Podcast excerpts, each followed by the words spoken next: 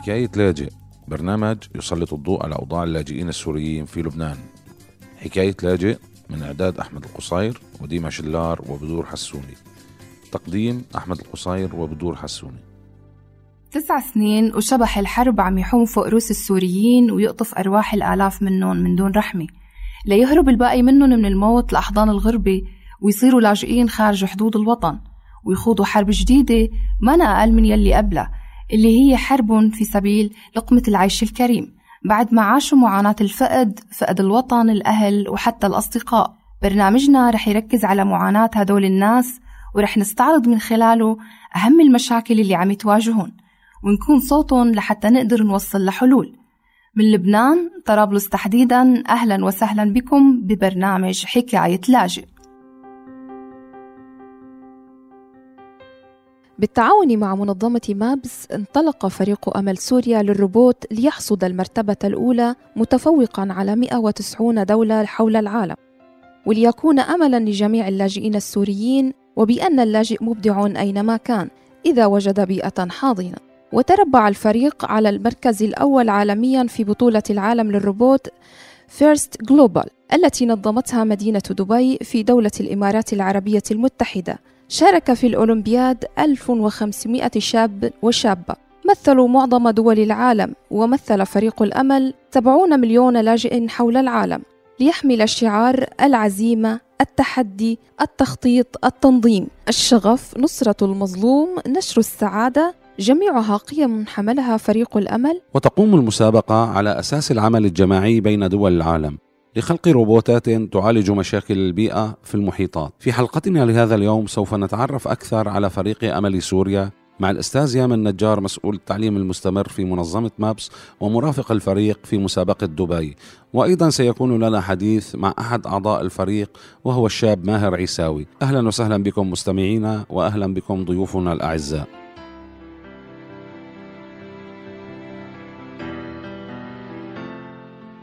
وهلا رح نبلش مع ضيفنا الأول أستاذ يامن مرحبا. أهلا وسهلا ومرحبا. يعطيك ألف عافية يا رب. أستاذ يامن كيف بدأت فكرة فريق الروبوت السوري وما هي الأعمار المشاركة في الأولمبياد؟ أه بدأت الفكرة بعام 2016 كان عبارة عن مبادرة بمنظمة مابس أه لتأسيس فريق أمل سوريا. هذا الفريق كان بضم طلاب لاجئين سوريين في لبنان. هدفهم الأول كان هو تطوير أنفسهم ليواكبوا العلوم الحديثة اللي هي عبارة عن التكنولوجي والهندسة والرياضيات. آه، كانت هي كلها تجتمع بشيء اسمه روبوت. آه، شارك الفريق بالمسابقة الأولى له كانت بالجامعة الأمريكية في بيروت. بالمسابقة المحلية كانت بتضم مدارس ثانوية لبنانية وفريقنا كان مثل ضيف بهي المسابقة. الفريق حصد المركز الأول بهي المسابقة وكانت مشاركته الأولى فيها وتأهل ليشارك بالمسابقة العالمية في آه، أمريكا. ومن هون بلشت فكرة الفريق وصار الفريق لحد الآن مشارك ب 30 آه، مسابقة آه، وعنده 30 جائزة من خلال المسابقات هاي اللي كلياتها فيها. أعمار الطلاب بيتراوحوا بين 10 سنين لحد 30 سنة. آه، هذا الشيء يعتمد على المسابقة بحد ذاتها الشروط الموجودة. آه، في مسابقات لطلاب المرحلة الإعدادية أو أصغر قليلا ببلش من 10 سنين لحد 14 سنة. في المدارس الثانوية وفي أيضا لطلاب الجامعات. وفريق أمل سويا آه، كل مرة بيتغير حسب شروط المسابقة الأعمار المحددة والخبرة الموجودة أساسا لدى الطلاب. فهو دائما بيتغير تبعا لهي الشروط. ماهر أنت من الشباب اللي فازوا بمسابقة دبي للروبوت. فيك تقول لنا قديش عمرك؟ ومن ايمتى أنت بفريق امل سوريا للروبوت؟ أنا عمري هلأ 18 سنة وصار لي بفريق الروبوت آه، من حوالي سنتين. طبعا هاي السنة حصلنا على المركز الأول أنا وباقي الفريق بدبي. ماهر هل وجدت صعوبة بالسفر من ناحية الأوراق والإقامة؟ وبكم مسابقة شاركت من مسابقات الروبوت؟ من ناحية الأوراق والإقامة أنا ما واجهت أي مشاكل لأنه أنا كنت عرفان إني رح أسافر على دبي فمجدد إقامتي ومتهيئ من جهة الأوراق لهيك موضوع للخروج من لبنان يعني. شاركت تقريبا خمس مباريات عالمية وثلاث مباريات محلية. حصلنا فيهم على عدة جوائز حول العالم وكذا جائزة بالمباراة الوطنية. برأيكم أستاذ يامن ما هي نقاط القوة التي تميز هذا الفريق عن باقي الفرق؟ آه، نقاط القوة اللي إحنا برأينا للفريق آه، هن هن اولا طلاب صار في عندهم لجوء طلعوا من المكان اللي ساكنين فيه انتقلوا على بلد جديد ولكن ما فقدوا الأمل. فنحن اللي بيميز فريقنا اللي هو اسم فريقنا أساسا فريق الأمل. رغم كل الصعوبات رغم كل التحديات رغم كل العوامل السلبية والسيئة اللي عم تواجه السوريين ببلاد اللجوء بالنسبة للموضوع المادي بالنسبة لموضوع التعليم بالنسبة لموضوع الأوراق القانونية والثبوتية. ولكن الفريق تحدى كل هاي العوامل وقدر لحتى يثبت نفسه بهاي الظروف هاي. الفكرة الثانية اللي هي بتميز فريقنا أيضا فيها هو اختيار النخبة من الطلاب الموجودين. كون نحن بنعمل تدريبات لعدد كبير من الطلاب وبنختار منهم الطلاب الأكثر كفاءة لحتى يشاركوا بهاي المسابقات. نقطة القوة الثالثة هو تغيير الصورة النمطية للاجئين حول العالم. إنه كون الشخص هو لاجئ هذا بيعطي الانطباع الأول للناس إنه هو شخص مخرج من بيته فهو شخص أولوياته بالحياة هي فقط الغذاء ومكان السكن. بالعكس هذا اللي أثبتناه نحن واللي كان هو نقطة قوة للفريق تبعنا. إنه حتى الفريق اللي هو طلع من مكان سكنه وسكن ببيت بأجار أو بخيمة. هو هلأ حاليا عم بينافس بمسابقات عالمية ليشارك بحل مشاكل عالمية أساسا موجودة.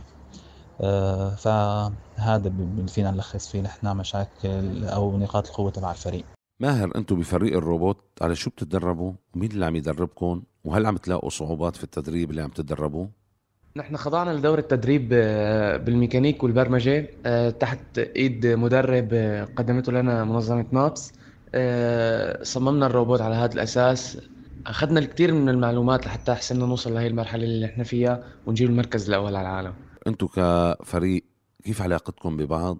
وبعتقد إنه هناك صداقات قوية تكونت بيناتكم كأعضاء فريق. بدي أعرف شو صار لكم عم تتدربوا وعلى شو عم تتدربوا وكم مسابقة فزتوا فيها وكيف علاقتكم ببعض من بدايتها للآن؟ أكيد الصداقة اللي بتنبنى بفريق أمل سوريا هي صداقة كتير قوية لأنه نحن الكل مجتمعين على هدف واحد هو رفع اسم اللاجئ حول العالم. نحن فريق أمل سوريا صارنا عم نتدرب من 2016 من حوالي ثلاث سنين آه عم نتدرب على الميكانيك عم نتدرب على البرمجة عم نتدرب على الخطط على الاستراتيجيات. آه شاركنا بالعديد من المسابقات أهمها كانت مسابقات VEX و FIRST Global. آه VEX اللي هي مسابقة عالمية بأمريكا حصدنا فيها جوائز عدة. FIRST Global اللي حصدنا فيها المركز الأول على مستوى العالم بدبي. علاقتنا بين أعضاء الفريق علاقة أخوة.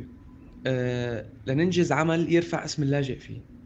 أستاذ يامن كيف تتم التدريبات وهل تجدون صعوبة في التعامل مع هذه الفئات العمرية؟ طبعا تدريبات الفرق المشاركة بالمسابقات تبدأ قبل مشاركة الفريق حوالي أربع شهور أو ثلاثة شهور. بالمسابقة.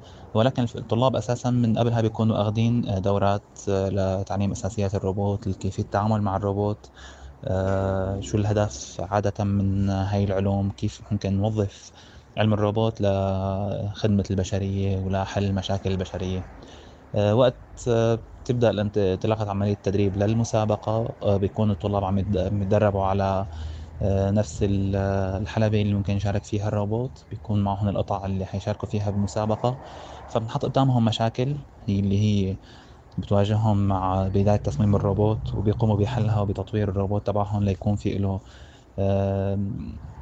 الفرصة الأكبر للفوز بالمسابقة. طبعا مشاركة الفريق دائما بالمسابقات ما هو الهدف أبدا لنا ولا للطلاب مشاركة الفريق هو فقط لزيادة حماس الطلاب. ليكون عم عم يواجهوا تحديات بحياتهم ويعرفوا كيف يطلعوا منها. بالنهاية هو الهدف الأكبر بيكون الطلاب محصلين قبل المسابقة حتى هو العلم وهو كيفية إنشاء مشاريع بشكل كامل لحل المشاكل.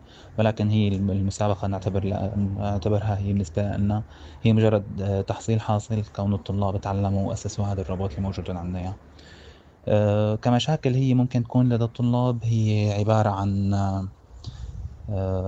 كون الطلاب هن مشارك أه طلاب بالمدارس الموجودة هون وأوقاتها بيختلف مدرسة للأخرى فهو اجتماع طلاب مع بعضهم خلال فترة التدريب هي أحد المشاكل. أحيانا بتواجهنا المشاكل المادية حتى لإحضار المستلزمات اللي ممكن تقوم عليها التدريبات تبع الفريق نلكت تبع الروبوت لمستلزمات الحلبة أساسا. بالإضافة لموضوع مواصلات الطلاب كونه كل حدا منهم بيكون ساكن بمكان معين. ولكن عم عم نحاول نقوم بحل هي المشاكل ما تكون هي عائق أبدا أمامنا وأمام الطلاب ليحققوا الهدف اللي هن جايين مشانه ماهر هي الصداقة اللي تشكلت بينك وبين أصدقائك بالفريق هل شكلت نقطة قوة لكم لتتابعوا وتفوزوا بمسابقات أخرى؟ أكيد الصداقة المبنية بفريق أمل سوريا شكلت نقطة قوة كبيرة للفريق لأنه أغلب المسابقات تبعات الروبوت هي بتكون عبارة عن تحالفات يعني عدة فرق مع بعضها لحتى يتعاونوا مع بعض لحتى يستخدموا استراتيجية واحدة لحتى ينفذوها. فكيف ما يكونوا بنفس الفريق لازم يكون في بيناتهم تعاون كتير كبير لحتى يحققوا المراكز اللي عم يطمحوا لها. على أي أساس أستاذ يامن يتم اختيار المتدربين؟ آه، بمنظمة مابس آه، أحد مشاريعنا هو نادي الروبوت. نادي الروبوت يضم حوالي 300 آه، طالب سنويا ضمن كافة الفئات العمرية. فقط هي عبارة عن تدريبات للطلاب على أساسيات الروبوت. من بعدها يتم اختيار الطلاب المتميزين. الأكثر كفاءة مثل ما خبرتك بكافة الأعمار. ليشاركوا بمسابقاتنا اللي إحنا تقريبا بنشارك بسنويا بحوالي عشر مسابقات للفئات العمرية كافة. آه، مسابقات هي ممكن تكون محلية وممكن تكون عالمية.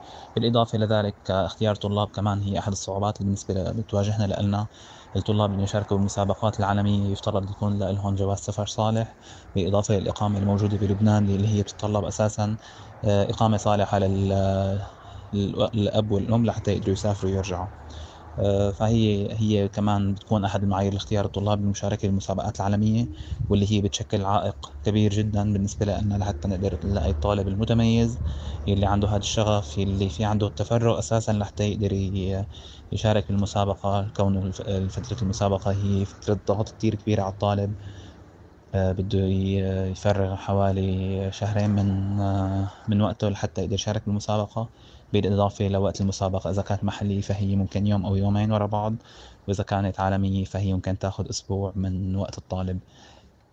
آه، فهي هي المعايير اللي إحنا ممكن نشتغل عليها لحتى نختار الطلاب اللي عنا إياهم بالمسابقة. ماهر أنت شو بتدرس؟ وهل تدريباتك ومشاركاتك بمسابقات الروبوت بتتعارض مع أوقات دراستك؟ وهل تجد صعوبة بالتنسيق بينهم؟ حياتي بشكل عام أهم شيء عندي تنظيم الوقت فأنا منظم وقتي بين دراسة وعمل وتدريب على الروبوت.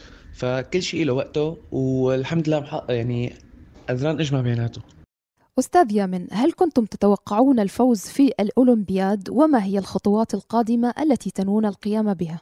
آه، ككل المسابقات اللي شارك فيها فريق الأمل آه، كان في عنا نحن دائما الحافز إنه نحن أشخاص قادرين على صنع التغيير آه، قادرين على الفوز قادرين على إثبات أنفسنا وإثبات قدرات اللاجئين حول العالم. بمسابقتنا بدبي كان لنا آه، شرف تمثيل 70 مليون لاجئ حول العالم بمسابقتنا وليس فقط لاجئين سوريين. آه، لا أخفيك أنه هي كانت بالنسبة لنا مفاجأة كتير كبيرة إنه نحن فزنا بهالمسابقة على المستوى العالمي اللي بيضم 191 دولة بخبرات الدولات الدول كلياتها اللي موجودين. آه، بالإمكانيات الموجودة عند باقي الفرق ولكن فوزنا كان هو بالفعل مفاجأة كبيرة بالنسبة لنا كنا نتوقع يكون لنا جائزة بالمسابقة ولكن ليس المركز الأول. ليس تقليل من شأن الفريق ولا بقدراته ولكن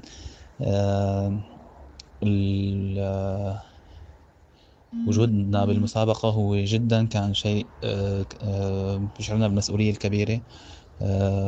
الأشخاص اللي عم يشتغلوا كطلاب ومدربين ومشرفين على الفريق آه، أخذوا من وقتهم أخذوا من حياتهم لحتى يشتغلوا على هذه المسابقة. كان لهم تمثيل الناس اللي موجودين أساسا كل الناس المستضعفين آه، حول الأرض اللي هن كلهم أخرجوا من ديارهم. كان بأسباب الحروب أو بأسباب الفيضانات أو بأسباب الكوارث اللي عم تصير بالبيئة. فكانت كل هاي العوامل خلتنا نحن آه، يكون عندنا إصرار أكبر على الفوز يكون في عندنا تحدي أكبر على بدنا أنفسنا انه نحن قادرين بالفعل آه، نخلي الشريحة تبع اللاجئين اللي هي مشاركة بهالمسابقات هي الفريق الأول بالمسابقة وهذا اللي صار الحمد لله ماهر شو أكثر الصعوبات اللي بتواجهها حاليا على المستوى الشخصي والمستوى العائلي وعلى مستوى التدريب والدراسي والعمل؟ بالنسبة للمعوقات الدراسية اللي عم تصير معي آه، أحد أهم أسبابها هي تسكير الطرقات. آه، لأنه عم نتأخر بالمنهاج اللي لازم ناخده آه، ونحن عندنا امتحان دولي هالسنة. ف يعني في عواقب ممكن تواجهنا لا سمح الله تؤدي بتأخرنا سنة تانية. فهي أهم المشاكل اللي أنا بعاني منها حاليا. بالنسبة للوضع العائلي أنا بعاني إنه عايش حالي بلبنان. أهلي كلهم مسافرين. بالنسبة للوضع العمل أموري بخير الحمد لله. ما هي التحديات الحالية التي تواجهكم أستاذ يامن؟ وهل تجدون صعوبة كفريق روبوت في الدخول إلى البلدان التي تقام فيها المسابقات؟ آه، طبعا من أكبر المشاكل اللي تواجه الفريق آه، للمشاركة بالمسابقات العالمية. أولا هي موضوع التمويل كون المسابقات العالمية آه، مكلفة وباهظة جدا. تبدأ من موضوع تكتات طيران لسفر الفريق للبلد اللي تجري فيه المنافسة بالإضافة ل حجوز الفندق اللي لازم يكون لازم يكون الفريق موجود فيه خلال فترة المسابقة بالإضافة للاشتراك بالمسابقة بحد ذاتها. آه، الأمور اللوجستية اللي ممكن نتطلبها منها بالإضافة لذلك آه، فدائما البحث تبعنا عم يكون هو على إيجاد ممول أو داعم للفريق خلال كل مسابقة بمسابقتها وهذا الشيء اللي عم نبحث عنه إنه نلاقي نحن حدا يكفل الفريق بكل مسابقاته العالمية اللي عم يشارك فيها. آه، الأمور الثبوتية والقانونية هي طبعا أكيد عائق بالنسبة لنا كجواز سفر سوري ليكون صالح أولا إقامة صالحة في البلد اللي نحن فيه لبنان. بالإضافة ل يكون في عنا نحن آه، فيزا لدخول البلد المضيف للمسابقة. آه، أغلب المسابقات عم بيكون في نحن لنا تسهيلات للمشاركة بالمسابقات. لحد الآن الفريق سافر لأمريكا خمس مرات سافر على المكسيك على قطر وعلى دبي. والحمد لله بكل المسابقات كان في تيسير للفريق لحتى يكون. آه، واجهتنا بعض الصعوبات بعدم السماح لسفر بعض أعضاء الفريق. آه، السنة الماضية ب 2018 فقط طالب واحد اللي قدر يسافر على مسابقة بحيث أربع طلاب ما قدروا يسافروا على أمريكا. ولكن بعد نهاية المسابقة قدروا الطلاب يتبعوا الطالب هذا لحتى يعملوا حملات مناصرة للاجئين عن هذا الموضوع. آه، فنحن عم بيكون في لنا دائما مثل استثناء كونه آه، كجواز سفر سوري لا يسمح له الدخول إلا لبلد واحد بدون فيزا اللي هو ماليزيا. آه، ولكن الحمد لله عم تأثر هاي الأمور عنا كل سنة بسنتين. ماهر أنت شو أحلامك المستقبلية بالنسبة لك وشو بتحلم بالنسبة لسوريا مستقبلا؟ أنا بطمح لحتى أصير مهندس كهرباء أو مهندس ميكاترونيك لحتى أحسن نكفي طريقي بهذا المجال. أه بتمنى سوريا ترجع تعمر من أول وجديد وإن شاء الله نحن رح نكون من الشباب اللي رح تعمر بعد هذا الحرب اللي صار آه، بوطننا أستاذ يمن كيف يتم تجهيز هذا الفريق لسوريا المستقبل؟ آه، طبعا من الأهداف الأساسية لمنظمة MAPS ولا فريق الروبوت آه، اللي موجود بالمنظمة عنا هو إيجاد الحلول للمشاكل اللي ممكن تواجههم في سوريا المستقبل آه، بالإضافة إلى آه، توظيف الروبوت في آه، موضوع إعادة الأعمار. بالإضافة لنشر هي الثقافة اللي هلأ حاليا صارت موجودة عند عدد كبير جدا من الطلاب ثقافة الروبوت إنه تكون هي موجودة ضمن منهج واضح ضمن المدارس اللي موجودة بسوريا. بعد التجربة اللي خضناها خلال أربع سنوات ماضية وجدنا إنه للروبوت أهمية بالغة جدا لازم يكون كل الطلاب عندها هي المهارة ما, بس ليكون مبرمجين بالنهاية آه، كل حدا لازم يختار تخصص ولكن مستقبل كل العلوم رايح باتجاه الروبوت لازم كل الناس يكون في عندها المعرفة الخاصة أساسا بالروبوت بالبرمجة آه، بالعلوم والتقنيات الحديثة. آه، فخطتنا لسوريا المستقبل مع الفريق هو نشر ثقافة الروبوت بالإضافة إلى حل مشاكل اللاجئين عندما يعودوا إلى بلدهم باستخدام هي التقنيات اللي تم تعلم الطلاب عن خلالها. شكرك كثير أستاذ يامن. آه، أهلا وسهلا. شكرا كثير لك كمان على استضافتنا ويعطيك ألف عافية يا رب. بدي أتشكرك بنهاية حلقتنا يا ماهر وأتمنى لك مستقبل مزدهر. شكرا لك. مستقبل سوريا بحاجة لهؤلاء المبدعين الصغار بأعمارهم الكبار بإنجازاتهم. نتمنى لهم دوام النجاح والتقدم. في نهاية حلقتنا لهذا اليوم أشكر ضيوفنا الأكارم وشكرا لكم مستمعينا تابعونا في حلقات جديدة. أنا بدور حسوني وزميلي أحمد القصير. دمتم بخير وإلى اللقاء. حكاية لاجئ. برنامج يسلط الضوء على أوضاع اللاجئين السوريين في لبنان. حكاية لاجئ من إعداد أحمد القصير وديما شلار وبدور حسوني. تقديم أحمد القصير وبدور حسوني. إخراج فادي قرقوز.